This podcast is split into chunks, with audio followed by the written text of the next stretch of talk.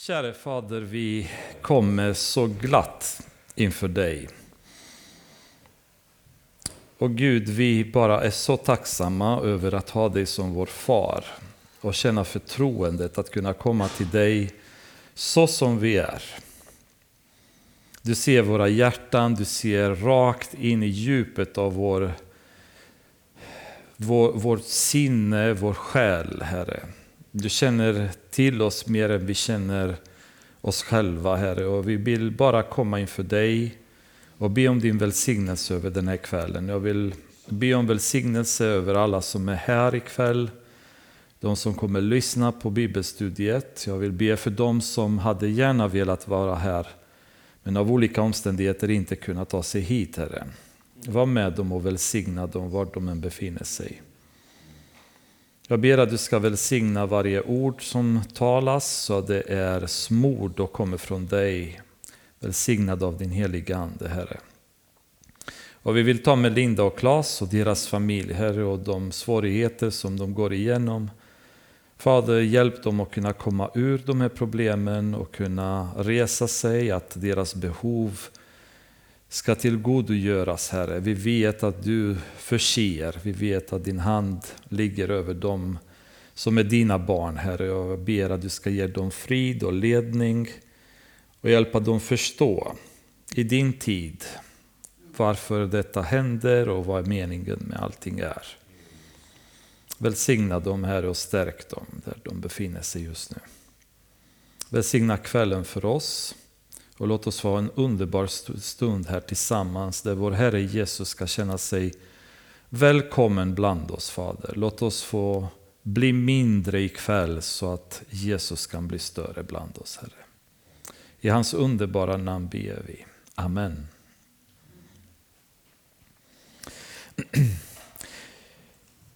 Vi eh, slutade förra veckan vid kapitel 3, vers 10. Eh, och innan dess så hade Jesus påbörjat sitt samtal med Nikodemus som var en farisee och han hade väldigt många eh, frågor till Jesus. Han hade kommit till Jesus för att få svar helt enkelt på ett antal funderingar han hade. En människa som var djupt förankrad i lagen, han var djupt förankrad i de traditioner som fanns hos judarna som drevs av en, ett iver av att uppfylla det som Gud hade krävt utav dem. Så det fanns hos många fariseer en ärlighet i deras önskan att känna Gud, samtidigt som hos många så fanns det också en hel del hyckleri. Och det intressanta är ändå att i Apostlagärningarna eh, vi läser att en hel del fariseer kom till tro. Eh, det vi inte läser däremot det är att det kom sadduceer, eller saddukeer, det beror på hur man uttalar det. Eh, vi, det, det står ingenstans att någon av saddukeerna kom till tro, däremot fariseer kom till tro en del. Så det, det visar sig att fariseernas sätt att se på Gud och deras tolkning av Bibeln var mer öppen ändå till att kunna potentiellt ta emot Jesus eller tro på honom än saddukeernas åsikt var. Som inte trodde att det fanns änglar, de trodde inte på um, på att det fanns en möjlighet att uppstå, alltså på uppståndelse och så vidare, medan fariseerna trodde att detta var fullt möjligt. Och det kanske var det som gjorde det, att det var lättare för dem att på något sätt ändå kunna tala till Jesus om de inte Eh, var för förstenade eller för hyckliga i sitt sätt att, att uppträda gentemot honom. Så han har en, en hel del funderingar och säkert en hel del i bagaget med sig när han kom till Jesus. Och två gånger i inledande delen av samtalet så säger Jesus till honom, jag säger dig sanningen. Så Jesus genom hela den här diskussionen med Nikodemos försöker verkligen att betona för honom att det jag säger till dig är sant. Så du, du måste lyssna noga på det jag säger dig därför att den här är sanningen. Jag säger dig sanningen. För grejen är att Nikodemus bemästrade verkligen vad vi skulle kunna kalla idag för fakta. Han hade koll på lagen. Han visste mycket väl vad lagen sade. Men han hade inte koll på vad som var sant. Han förstod inte sanningen. Han förstod faktan, men han förstod inte vad som var sant. Han förstod inte vad som dolde sig bakom den fakta som han, han kände till så väl. Han förstod inte tanken som Gud hade bakom. Han förstod inte principen bakom lagen. Och han kände inte sanningen, det vill säga rent praktiskt så kände han inte Gud. Han kände till det som Gud hade sagt, men han förstod inte varför Gud hade sagt det han hade sagt. Och efter Jesus diskuterar med honom och säger till honom gånger flera, jag säger dig sanningen, och Nikodemus ställer frågor som stundtals var kanske, kanske till och med lite, lite förvånade, så att säga, som eh, hur kan detta vara möjligt? Kan en människa gå tillbaka till sin, sin moder och så bli född på nytt? Han, liksom, han fick inte ihop vad Jesus sa. Och vi ser där problematiken mellan att, att förstå lagen men ändå missa sanningen som lagen försöker att förklara. Och det är ju precis det som Jesus nu kommer försöka att adressera i andra delen av samtalet. Han avslutade, eller det vi avslutade förra gången så svarade Jesus till honom och sa i vers 10 Du är Israels lärare, förstår du inte det här? Hur kommer det sig att du inte är kapabel att förstå allt detta, Nikodemos? Och anledningen till att Nikodemos inte kunde förstå eh, hittar vi i första Korintierbrevet kapitel 2, vers 14, där Paulus säger en oandlig människa tar inte emot det som kommer från Guds ande. Det är dårskap för henne och hon kan inte förstå det eftersom det måste bedömas på ett andligt sätt. Så Nikodemus med all, all, all, sin kunskap, han hade inte heliganden i sig och utan anden så kunde han inte förstå de andliga bitarna. Han förstod Eh, detaljerna, han förstod den rena lagen, men han förstod inte djupet utav varför Gud har sagt det han har sagt. Vad är det som är motivet bakom allt detta? Utan han höll sig till, till så att säga, lagpunkterna, men på grund av det så kunde han inte förstå det. Därför att det står sen i vers 16 i samma samma eh, kapitel, kapitel 2, första Korintierbrevet, att för att förstå Guds sinne så måste man ha Kristi sinne. Därför kan man inte förstå Gud om man inte har heliga anden i sig. Det är därför vi har ibland så svårt att prata med människor som inte tror på Gud, för vi pratar parallellt med varandra. Vi pratar ett språk, de pratar ett annat språk och vi möts ingenstans därför att de har inte Guds ande, de kan inte begripa de enkla andliga sanningarna som för oss är så självklara och så tydliga. Men det är också problemet mellan kan man säga kristna som lever ett andligt liv och kristna som lever ett kötsligt liv. Vi kan vara frälsta båda två, men en lever kötsligt och tänker fortfarande som en kötslig människa medan den andra har vuxit och gått vidare från att bli en bebis till att bli en mogen kristen och har ett annat djup i förståelse, en annan, ett annat sammanhang i att förstå Gud. Medan den andra agerar fortfarande i köttet och skriker och protesterar och har sina åsikter som inte är grundade i Gud. Det betyder inte att den personen inte nödvändigtvis är frälst, utan det är kanske så att man inte har vuxit därifrån. Man har stått eller stannat vid samma läge och när vi sitter och diskuterar med varandra, den som har kanske fördjupat sig att känna Gud lite bättre försöker att förklara och den andra bara fattar ingenting. Jag, jag tycker inte så, eller jag känner inte så. Och, och så blir den andlige frustrerad. Men broder, hur kan du prata känslor? Jag pratar Guds ord och den andra fattar ingenting. Och säger bara, men jag tycker inte att det ska vara så. Och så blir det den diskussionen. Och det är svårigheten, därför att vi kan bara mötas i anden. Anden är den som ska styra oss rätt. Och det Jesus nu kommer fram till, det är att Nikodemos, det krävs en förändring i dig. för du har inte förstått någonting. Du är en lärare, en medlem av det stora rådet av de 70 visaste männen i Israel som ledde hela det judiska folket världen över. Och du fattar inte grundläggande sanningar. Så Nikodemos svar är till och med så att säga förargelseväckande på något sätt när han säger till Jesus, men hur ska det här gå? Kan en person gå tillbaka in i sin, sin mammas mag? Det är liksom bara Nikodemos, du är smart. Ska du ens ställa en sån fråga, tycker man? Och när Jesus förklarar lite mer för honom om vinden, hur det kommer som representerar anden, så säger Nikodemos, hur kan det gå till? Bara, men känner inte du fortfarande hur heliga anden verkar? Har du inte läst Jesaja? Har du inte läst eh, psalmerna? Har du inte läst Moseböckerna? Förstår du inte hur Guds heliga anden, ande verkar? Och Nikodemos säger, hur ska det här gå till? Och Jesus till slut säger, men Nikodemus, du är en lärare i Israel. Förstår inte du detta? Men det gjorde han inte, därför att han hade inte Kristi sinne. Han var inte en förändrad människa.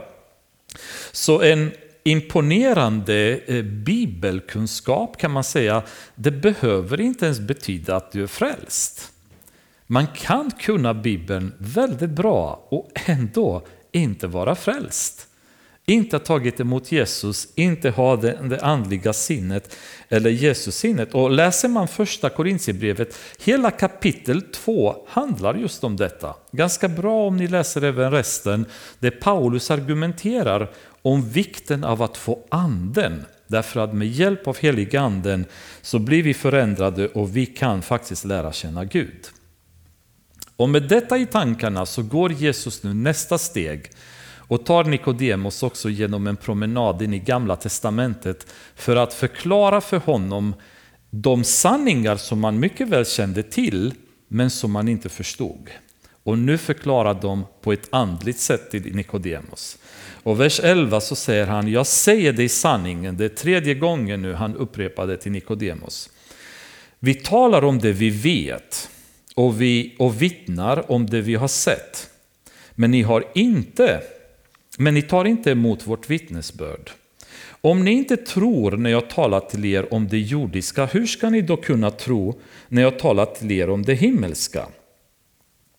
Så kärnat, kärnan av problemet som Jesus får fram hos Nikodemos här, det är att jag har talat väldigt mycket saker till er. Jag har till och med utfört mirakel. Ni har sett allt detta och ni tror inte. Så vad är poängen nu med att jag börjar gå in i djupa andliga diskussioner med dig när ni vägrar tro på saker som ni tydligt har sett och som bevisar vem jag är, vad jag står för? Eh, om jag nu börjar prata ännu mer avancerade grejer med er, kommer ni tro eh, på grund av det? Så det berodde inte på att de inte hade fått tillräckligt med vittnesbörd eller de inte hade sett tillräckligt med, med mirakel, utan deras otro baserades på att de inte ville. De hade bestämt sig att inte ta emot Jesus och där Jesus går och attackerar problemet att där har ni problemet Nikodemos.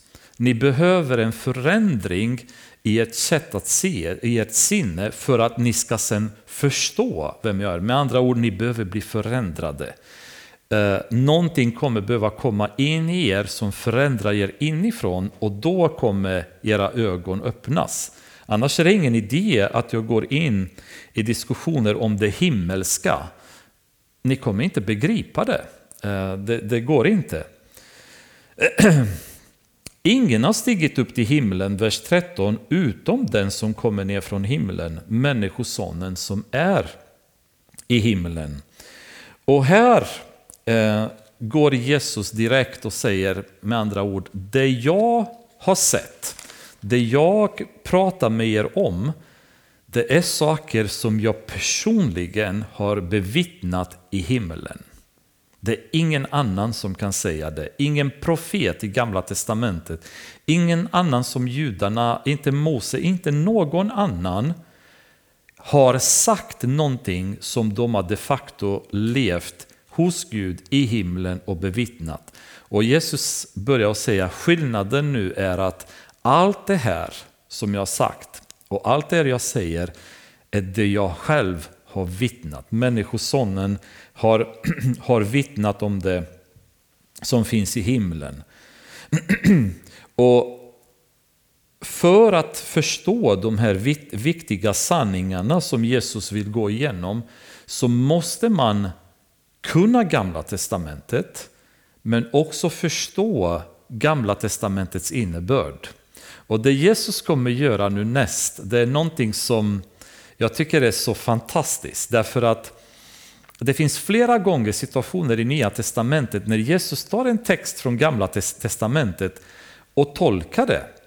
Och så läser jag texten där och tänker bara, hade inte Jesus tolkat det här hade jag aldrig begripit att det var det det handlade om. Alltså det, ibland är det texter som man blir helt förvånad när Jesus säger det här, det här talar om mig, det här handlar om mig.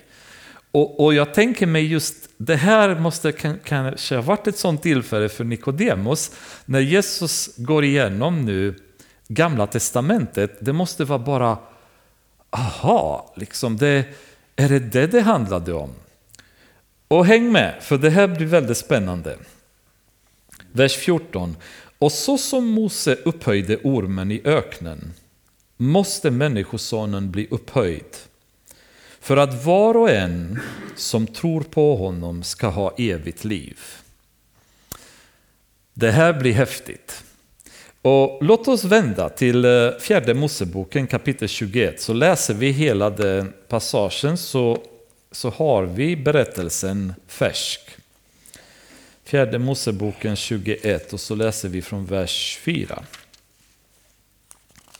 Det som hände här det är ju det vanliga kan man säga. Um, judarna hade um, besegrat kungen i Arad. Och um, de var väldigt glada som vanligt, men det dröjer inte länge innan saker och ting går inte så som de själva vill. Uh, och det som hände var att där de befann sig så kunde de väldigt lättsinna bara fortsatt mot Kanaan. Men istället för att göra det så, så blir det inte så som de har förväntat sig. Utan i vers 4 så står det de bröt upp från berget Hor och tog vägen mot Röda havet för att gå omkring Edoms land, det vill säga ta en våldsamt omväg så att säga mot söder men under väggen blev folket otåligt. Alltså, nu börjar det bli jobbigt. Vi kunde ha gått raka väggen in i kanan och Mose istället tar runt hela Röda havet och sen Edom och sen ska de ta sig upp därifrån mot Moab och sen tillbaka mot Kanan. Vad är poängen förstås, måste folket undra. Varför kan inte vi bara gå raka väggen när vi ändå bara meter ifrån då? För de var ju precis, eh, eh, kungen i Arad, det var ju i kananéernas land, så de, de var ju där. Och Mose tar dem därifrån, runt Röda havet, ett dom och så vidare, därför att de följde den ledning som Gud hade. Och det är ju så intressant, därför att i vår kristna sätt att se på saker och ting, eller i församlingen, vi har så många bra idéer om hur saker och ting ska göras. Men allt som ofta, eller så många gånger, så matchar inte våra idéer Guds idéer. Och Gud ibland tar oss på en omväg och genom prövningar och så vidare och vi tycker bara det är så onödigt för vi hade, vi hade lösningen. Vi, vi visste hur man gjorde det här. Varför måste vi gå igenom allt det här eländet? Och det är för att Gud har en annan plan. Guds plan var att hålla dem i 40 år runt omkring där i öknen innan det var dags för dem att komma in i landet, innan hela generationen som hade protesterat första gången skulle försvinna som straff för de hade eh, gjort uppror och så vidare. Och det var Guds plan. Och det, det, tyckte de inte om, så de blev otåliga. Och folket, och det är ju så här, att bli otålig är en sak, men att ta nästa steg, det är där problemet kommer. För folket talade mot Gud och mot Mose och sade, varför har ni fört oss upp ur Egypten så att vi måste dö i öknen? Här finns ju varken bröd eller vatten och vår själ avskyr den eländiga mat vi får. Så att, att tala emot Gud är sällan en bra idé. Det leder ingenstans, det leder inte till någon välsignelse, till lättare liv. Då. Men de valde det och de visade avsky mot den försörjning som Gud hade gett dem genom öknen. Han ändå tog hand om dem, han gav dem mana för att äta och såg till att de var mätta. De hade nyligen kommit från ett krig som de hade bett till Gud att hjälpa dem att vinna och de hade vunnit mot kungen i Arad. Då. Men plötsligt så blir de trötta och de börjar eh, klaga och tala mot Gud och, och bara leva kötsligt så det skrek om det. Då sände Herren giftiga ormar bland folket och de bet folket och många Israel dog. Då kom folket till Mose och sade, vi har syndat genom att vi talade mot Herren och mot dig. Be till Herren att han tar bort dessa ormar från oss. Och Mose bad för folket. Herren sade till Mose, gör dig en orm och sätt upp den på en påle. Den som har blivit ormbiten och ser på den ska leva. Mose gjorde då en kopparorm och satte upp den på en påle. Om någon blev biten av en orm fäste han blicken på kopparormen och fick leva. Och Jesus nu säger till Nikodemos att på samma sätt som Mose upphöjde ormen i öknen måste Människosonen bli upphöjd för att var och en som tror på honom ska ha evigt liv. Det intressanta är där att vi kan gå in i detalj och se vad representerade kopparn i Gamla Testamentet, vad representerade ormen och det blir en ännu häftigare bibelstudium att gå igenom. Men jag vill kanske inte fokusera så mycket på de detaljerna att eh, ormen representerar Satan och eh, kopparn är alltid en representation för synd. Och synden blir korsfäst och så vidare. Det är häftiga bilder, men jag tror att det, det mer Jesus är ute efter att förklara för Nikodemos. Det är att när Moses satte ormen eh, uppe på pålen då, så det enda folk behövde göra för att bli frälsta var att titta upp på ormen. Det var allt. Det behövdes inga mediciner, det behövdes inga eh, prästerliga insatser, det behövdes inga offer. Ingenting. Utan det enda som i det här fallet folket behövde göra, det var att titta på ormen. Och jag kan, det står inte i Bibeln, men jag skulle vara ytterst förvånad om det inte fanns väldigt många bland Israel som ansåg att det här var fruktansvärt löjligt. Vem, vem ens har kommit på en sån idé? Att vi ska titta på den här ormen och bli frälsta? Jag tror inte på det här. Det måste vara vansinnigt.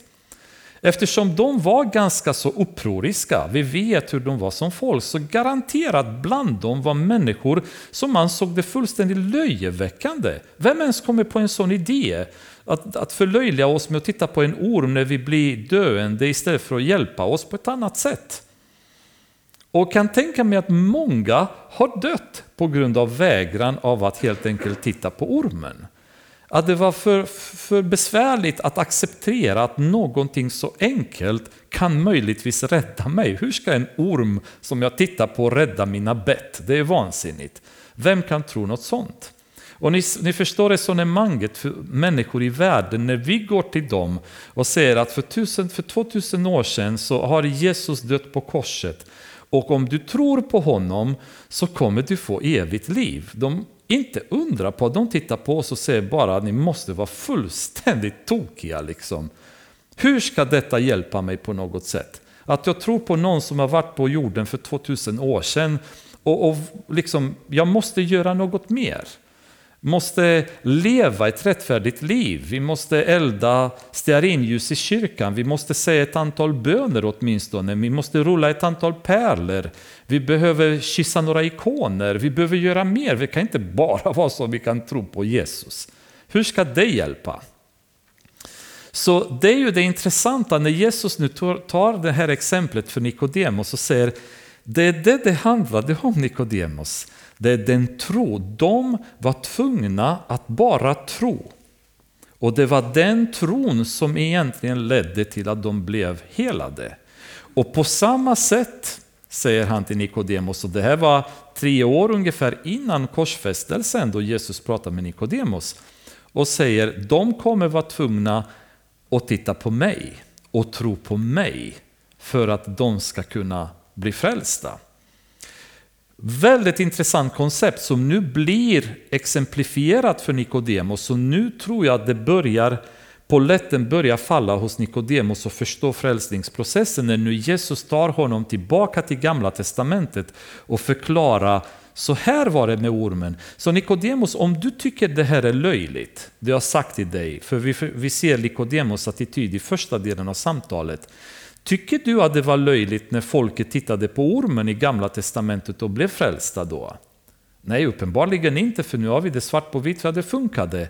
På samma sätt, säger Jesus, så kommer man behöva tro på mig. Och nu börjar, tror jag, allting bli tydligare för Nikodemos. Vad egentligen att vara frälst, att vara född på nytt innebär. Att det handlar om tro. Tron som kommer förändra ditt liv och den tror på Jesus. Och den, det konceptet då, att ha den typen av tro, är ju, är ju något nytt. För i Romarbrevet kapitel 3, vers 23 står det att alla har syndat och saknar härligheten från Gud.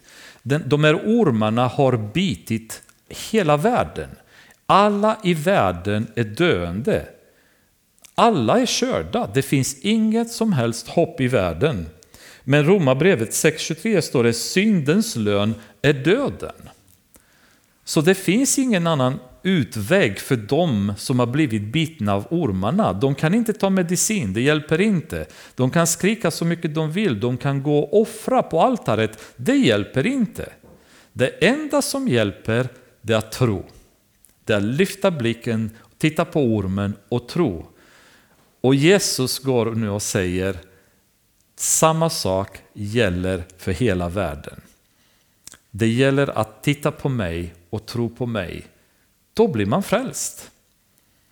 Och det, en del kan tycka att det är jättekonstigt, det är på tok för lätt. Ska det verkligen vara så lätt? Men det ska vara så lätt och vi kommer se framöver i kapitlet hur Jesus nu går in och börjar förklara för Nikodemos egentligen varför det är så lätt. Men en intressant grej som jag ville nämna det är att 6 januari eh, 1850 så drabbade en snöstorm en stad i England som heter Colchester. Och en tonårspojke på grund av snöstormen kunde inte ta sig till den församling som han brukade gå till. Och istället så hamnade han i en, man kan säga lite mer primitiv metodistkyrka som alltså var lite närmare där han befann sig. Och han kommer in i, i kyrkan och pastorn var inte i församlingen då, eh, utan de hade, jag vet inte om det var antingen gästpredikant eller någon annan i församlingen som predikade. Och den brodern hade kanske inte riktigt gåvan att predika på samma sätt, om man kallar det så. Då. Så han ville predika från Jesaja kapitel 45, eh, vers 22. Och det står Vänd er till mig eller se upp till mig och bli frälsta. Och han han hade inte jätte... Han var inte jätteduktig. Ni har säkert sett sådana ibland och som kanske vill säga saker men de saknar ord. De, de har vilja, de har glädje men man vet inte riktigt vad man ska säga då. Och det var lite samma med den här brodern. Så eftersom han kunde inte säga så mycket, han i princip bara ropade till folk att det, det är viktigt att se upp till, titta upp på Jesus. Det är väldigt viktigt att, att titta på honom liksom. Och, Um, och då sa han bara, ah, man, man behöver inte gå på universitet för att lyfta blicken och titta på Jesus.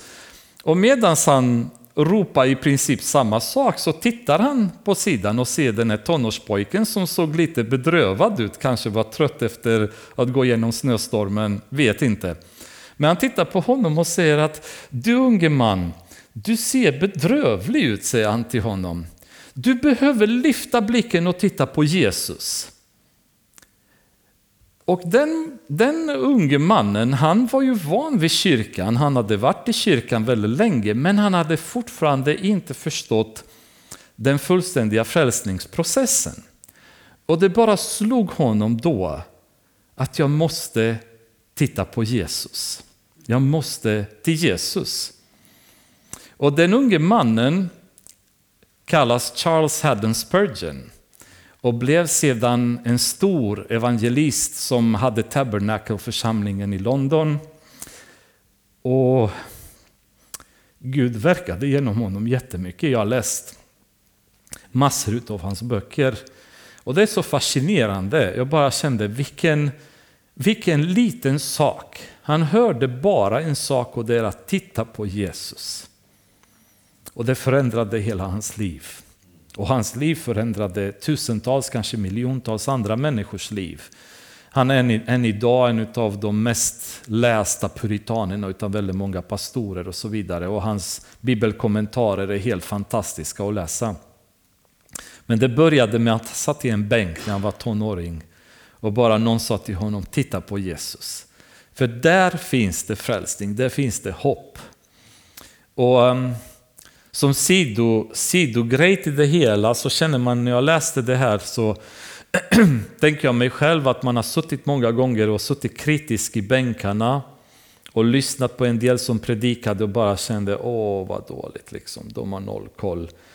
Och man, man blev nästan på något sätt ödmjuk när man läste det här att kanske behövs inte perfektionen när man predikar utan det behövs en helig andens smörjelse och en helig andens ledning så att orden som kommer ur ens mun är riktade till ett hjärta som Gud har förberett att ta budskapet. Och det var ganska så, man fick nästan rannsaka sig själv och, och liksom känna bara att man måste, måste ändra attityd i hur man ser på saker och ting, för man vet inte hur Gud använder människor. Liksom.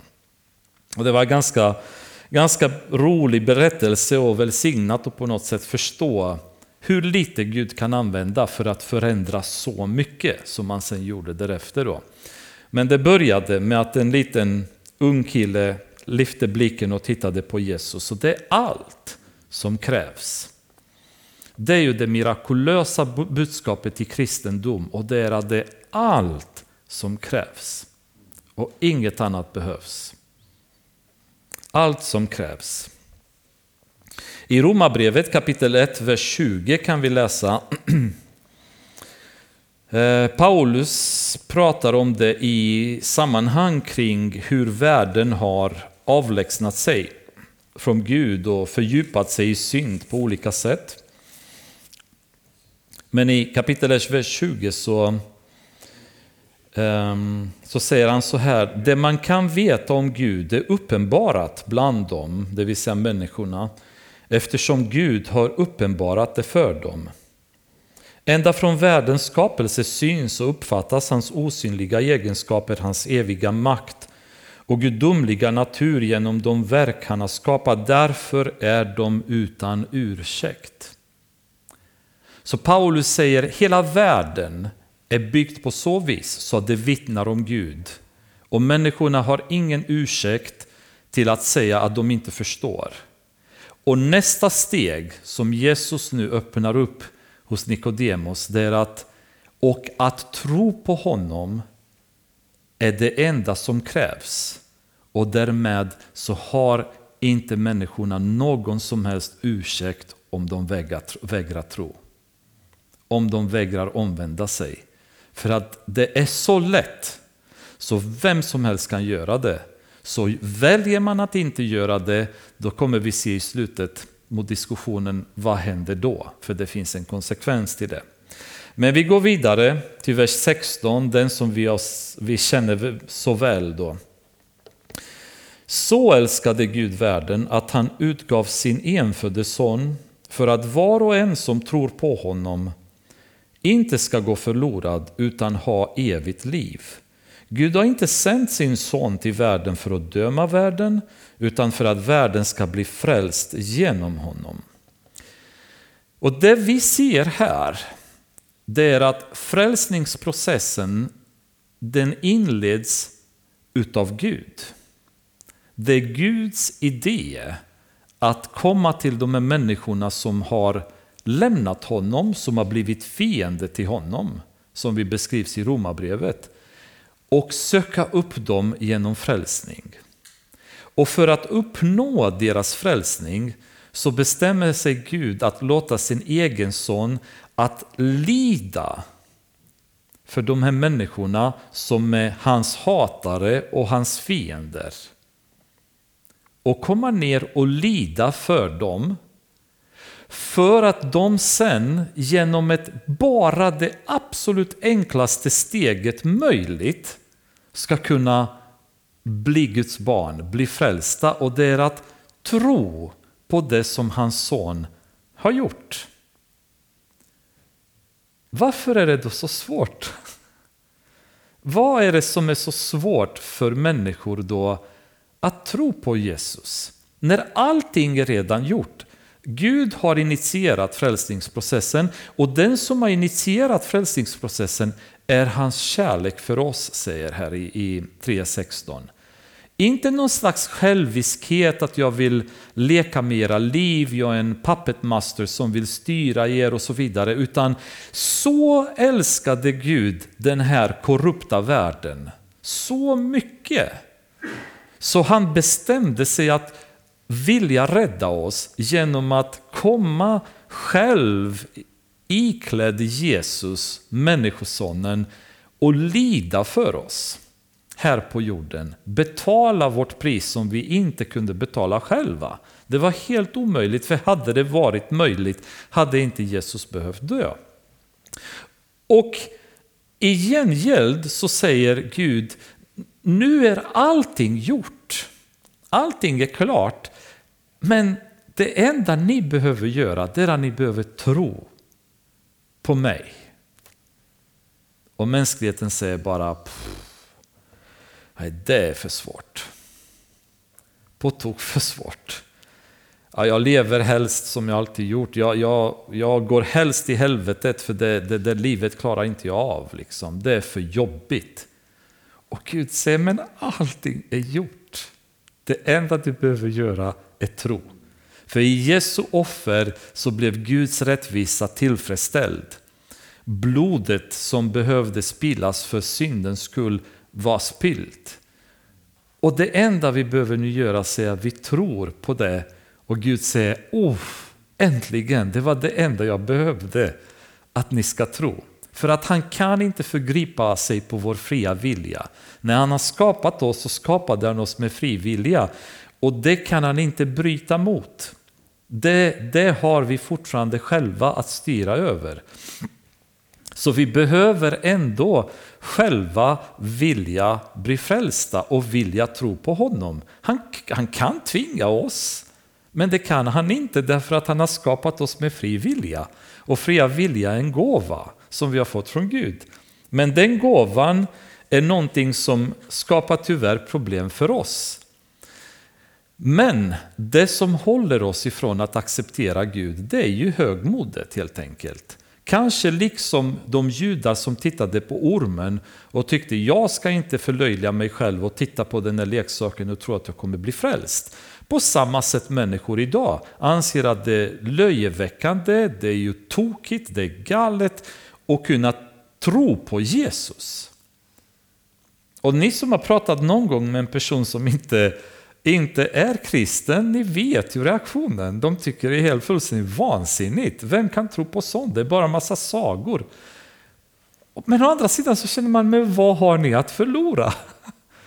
Allting är gjort. Du kan tro och du kan bli frälst. Du har ingenting att förlora. Nej, det vill de inte. De vill inte ens prata med oss ibland och vill avbryta till och med relationen med oss för det är för jobbigt att tro på Jesus. Varför skulle det vara så jobbigt? När allting är redan klart, allting är redan gjort. Och Gud säger här att eh, Jesus att Gud har inte sänt sin son till världen för att döma världen, utan för att världen ska bli frälst genom honom. Och det är också en sån här attityd som folk kan ha gentemot Jesus, att han har så mycket grejer och direktiv om saker som ska göras hit och dit, och det är bara jobbigt. Men Jesus har kommit inte för att döma oss, Även om han hade all rätt att göra det, men det gjorde han inte. Han kom till världen för att kunna hjälpa oss att komma till Gud. Så varför har vi fått för oss längs med vägen att Gud vill hålla oss ifrån honom? Och även vi kristna ibland inte begriper att Guds nåd gör att dörren till honom är permanent öppen tack vare Jesus. Vi kan när som helst träda inför Gud, hur syndiga vi har varit, hur långt vi har varit ifrån församlingen i flera år. Vi kanske har varit djupt in i leran, vi har bråkat med andra syskon i församlingen, vi har gjort otäcka grejer. Det spelar ingen roll därför att dörren är permanent öppen tack vare Jesus. För Jesus står, säger Romarbrevet kapitel 8, och medlar för oss inför Gud. Permanent. Så vi förtjänar inte det i vårt kött eller för att vi är bra, utan det är på grund av Jesus så är dörren hela tiden öppen hos Gud. Och vi begriper inte det. Så ha det i åtanke när någon viskar i ert öra att ni är för dåliga för att ni ska be idag. Eh, har man uppträckt som man har gjort och är man så smutsig i sin relation med Gud, ja då ska du strunta ens försöka att be.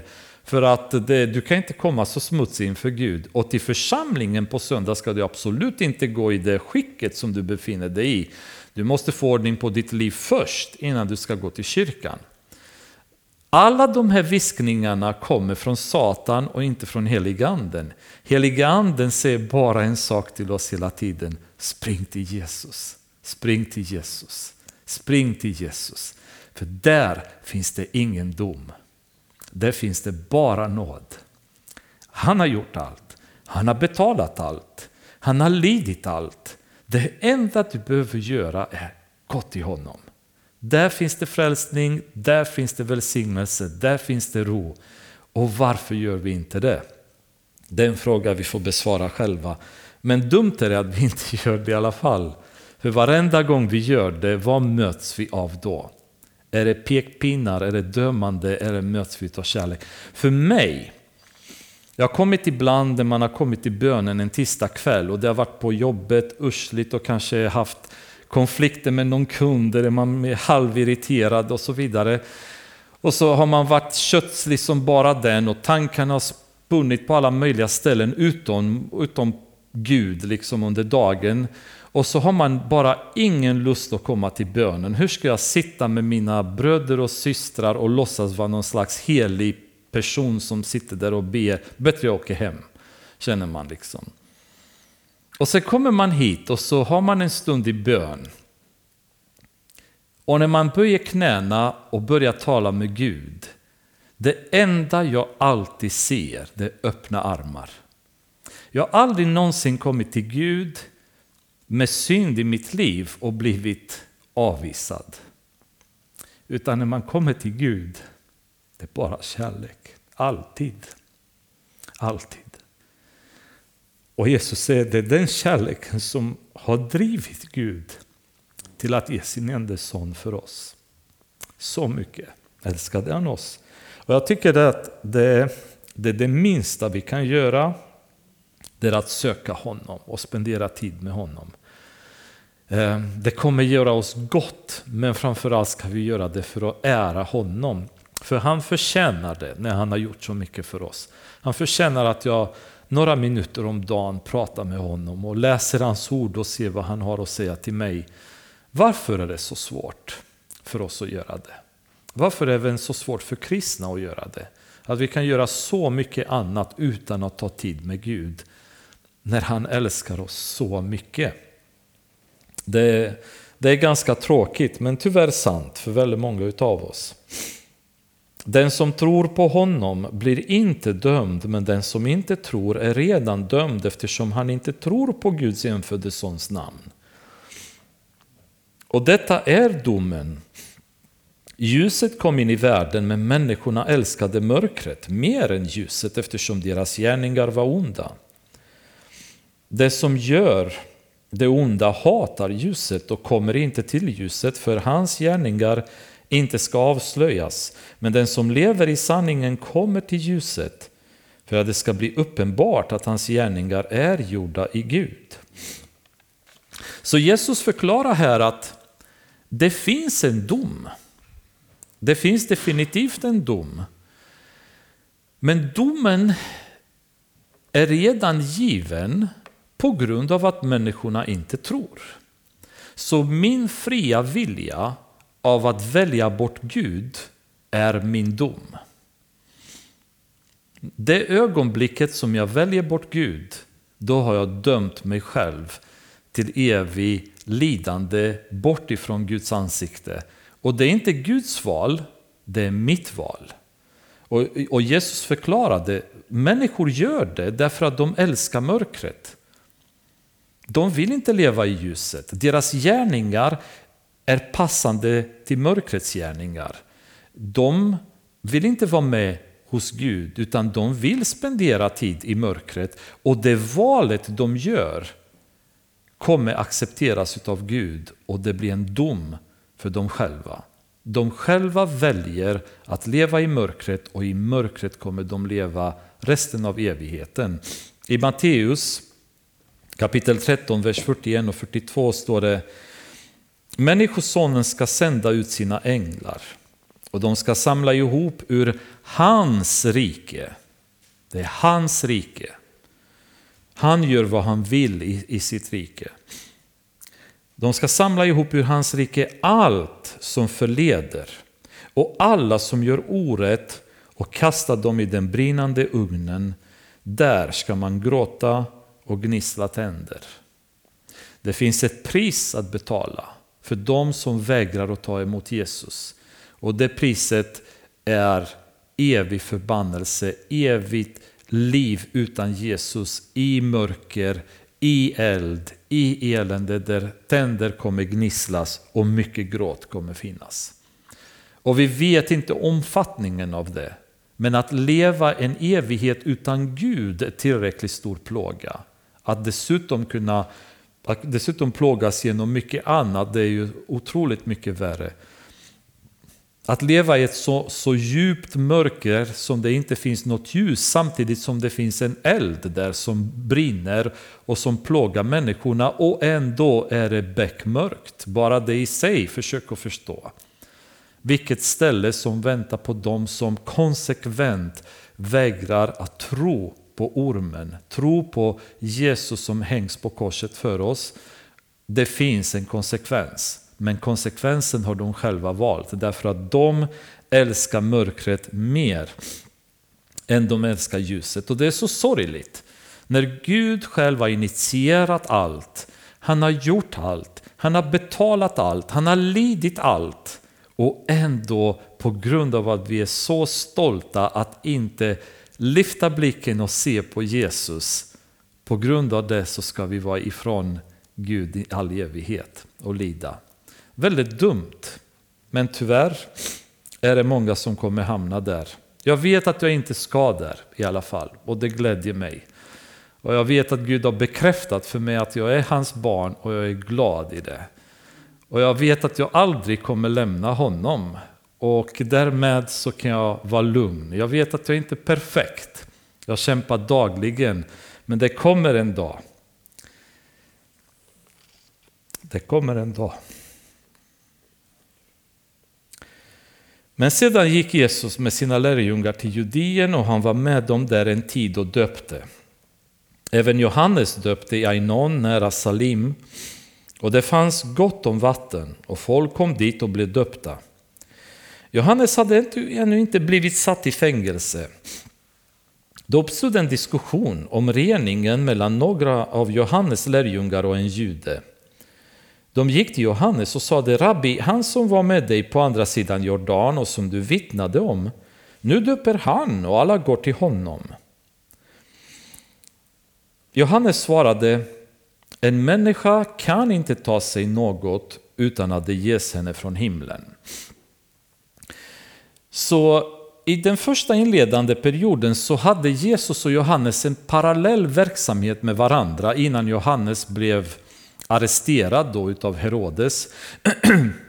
Ehm, och Johannes döpte och Jesus var på ett annat ställe och döpte och då kommer lärjungarna och säger bara att men Johannes han, han håller på att döpa där borta också. De facto så går människorna till honom nu. Så det finns en slags konkurrenssituation. Vi kämpar om samma församlingsmedlemmar om man säger så. Som kyrkor som ibland själv varandras medlemmar. Det är lite samma sak här. Han, han lockar folk till sig. Vad händer med oss här liksom? Och eh, någonting som var initialt en doktrinär fråga om redningen eh, blir en slags konkurrensproblematik där nu är de lite fundersamma på varför folk tar, alltså, strömmar till Jesus helt plötsligt. Och Johannes svar blir så fantastiskt när han säger att en människa kan inte ta sig något utan att det ges henne från himlen. Med andra ord, i Guds uppdrag, i, i den kallelse som Gud har för oss, är konkurrens aldrig ett problem. Och det här skulle vi kanske behöva verkligen ha en hel bibelstudier om. Det finns ingen konkurrensproblem om det vi gör är att följa Guds kallelse. Om någon annan sen börjar göra samma sak som vi och lockar mer människor till sig än vi gör, prisa Gud. Alltså, det finns ingen konkurrens. Vi gör det Gud har kallat oss till att göra. Och, och Gud kommer inte låta något annat hända som man inte tillåter att det ska hända. och det finns tyvärr i kristenhet idag en sån här som kallas för församlingsstölder där en del församlingar växer väldigt mycket på grund av att de tar medlemmar från andra församlingar. Och man kan tycka liksom att oh, det, det är lite oschysst alltså att eh, folk går dit. Men min poäng är oftast att ja, alltså om fåren får god mat där eh, utav sin herde och de får gott om vatten och de blir väl omhändertagna, då kommer de här fåren inte ha något behov att fly någon annanstans. Men om fåren drar sig någon annanstans, det kan vara så att den herden tar bättre hand om dem. Kan ta bättre, ehm, kan ta, ta liksom, ge dem bättre, godare mat, eh, bättre vatten helt enkelt. Och då borde jag ehm, i min församling vars medlemmar försvinner till grannförsamlingen kunna säga prisa Gud. De går dit och växer i tron och de blir verksamma och de startar egna bönegrupper, de startar egna eh, församlingar själva och så vidare och Guds ord sprider sig.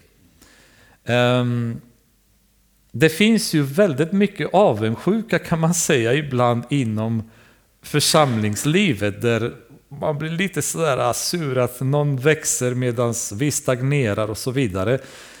Vi behöver aldrig känna så, utan i Guds kallelse så ska det inte finnas konkurrens.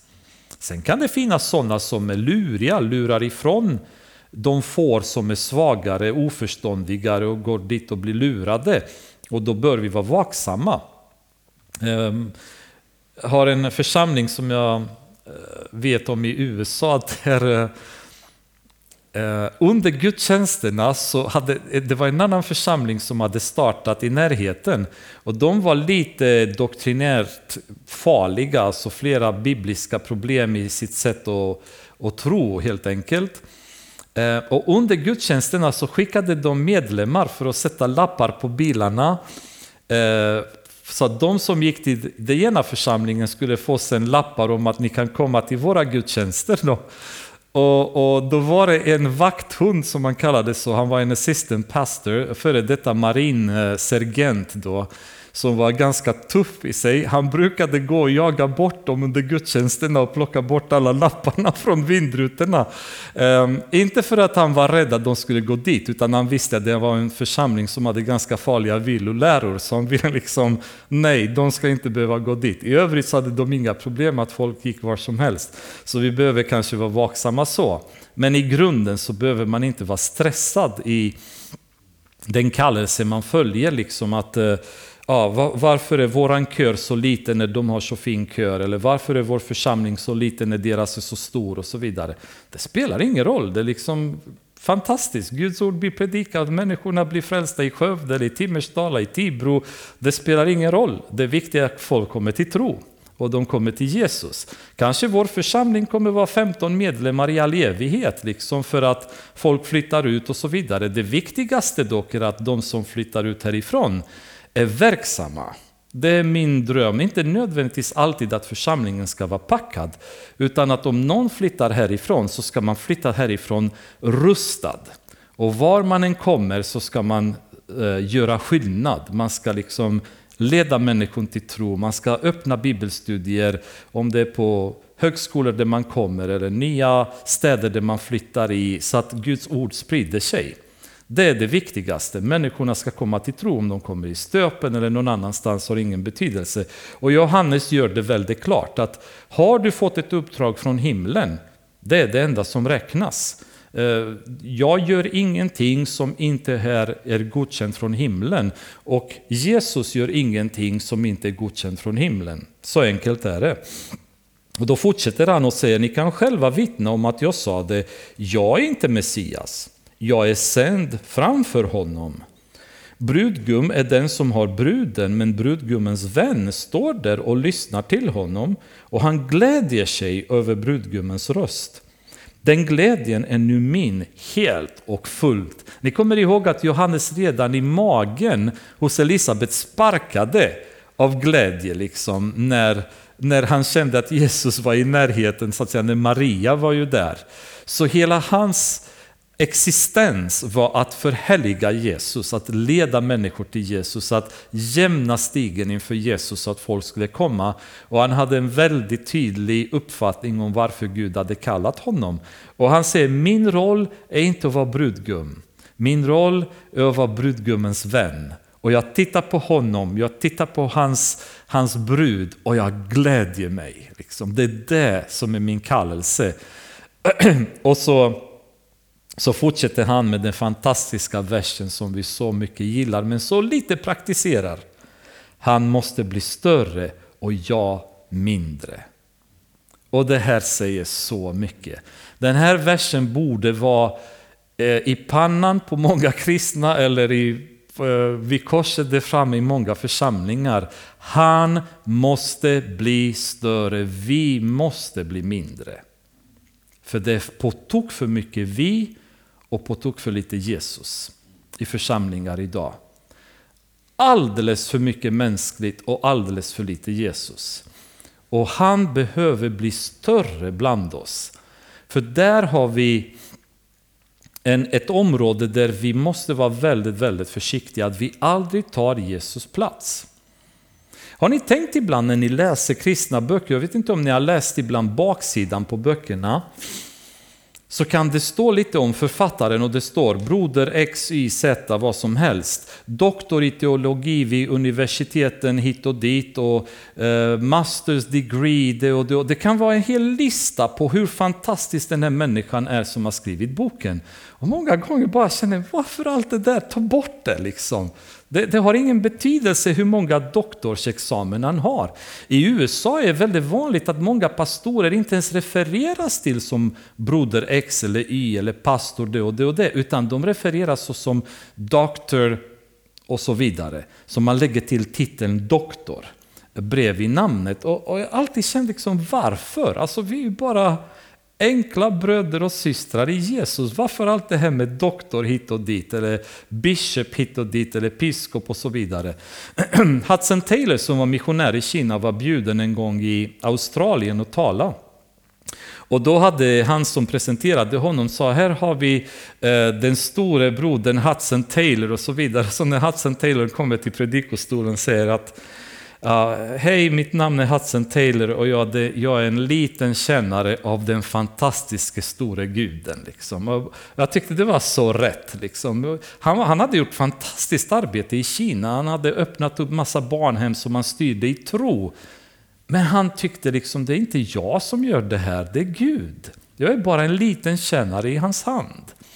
Och Johannes har ju den här hälsosamma inställningen, alltså jag måste bli mindre för att han ska kunna bli större.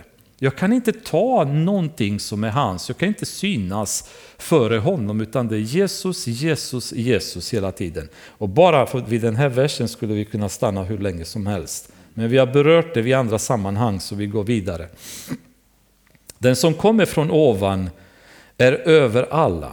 Den som kommer från jorden är av jorden och talar utifrån jorden. Den som kommer från himlen är över alla.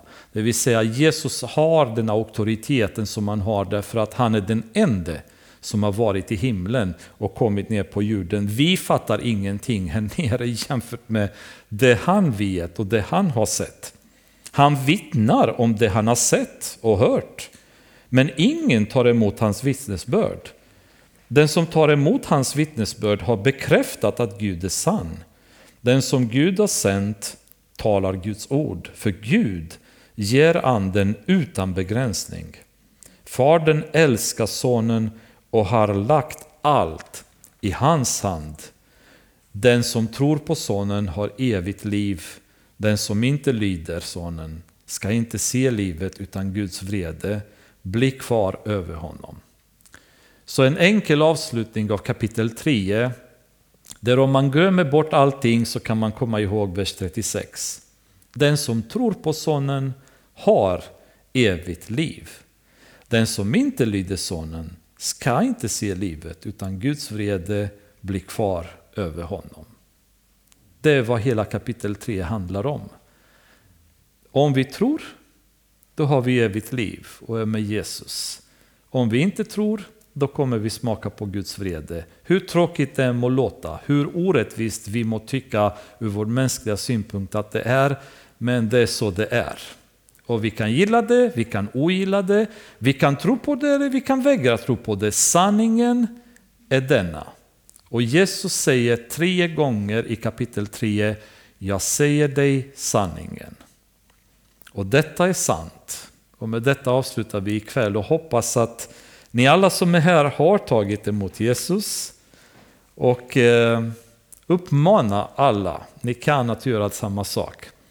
Och eh, de som hånar, hånar. Och de som inte hånar och begriper bättre, de kommer ta emot honom.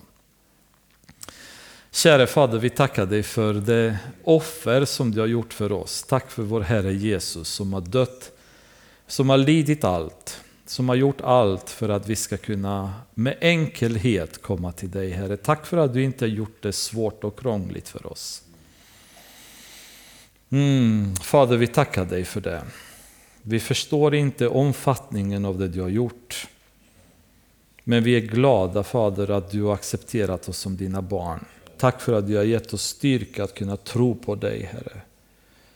Låt oss få vara starka i vår tro. Låt den tron aldrig försvinna från någon av oss. Låt oss aldrig lämna dig. Över, överlämna oss tillbaka till den situation vi befann oss i innan, Herre.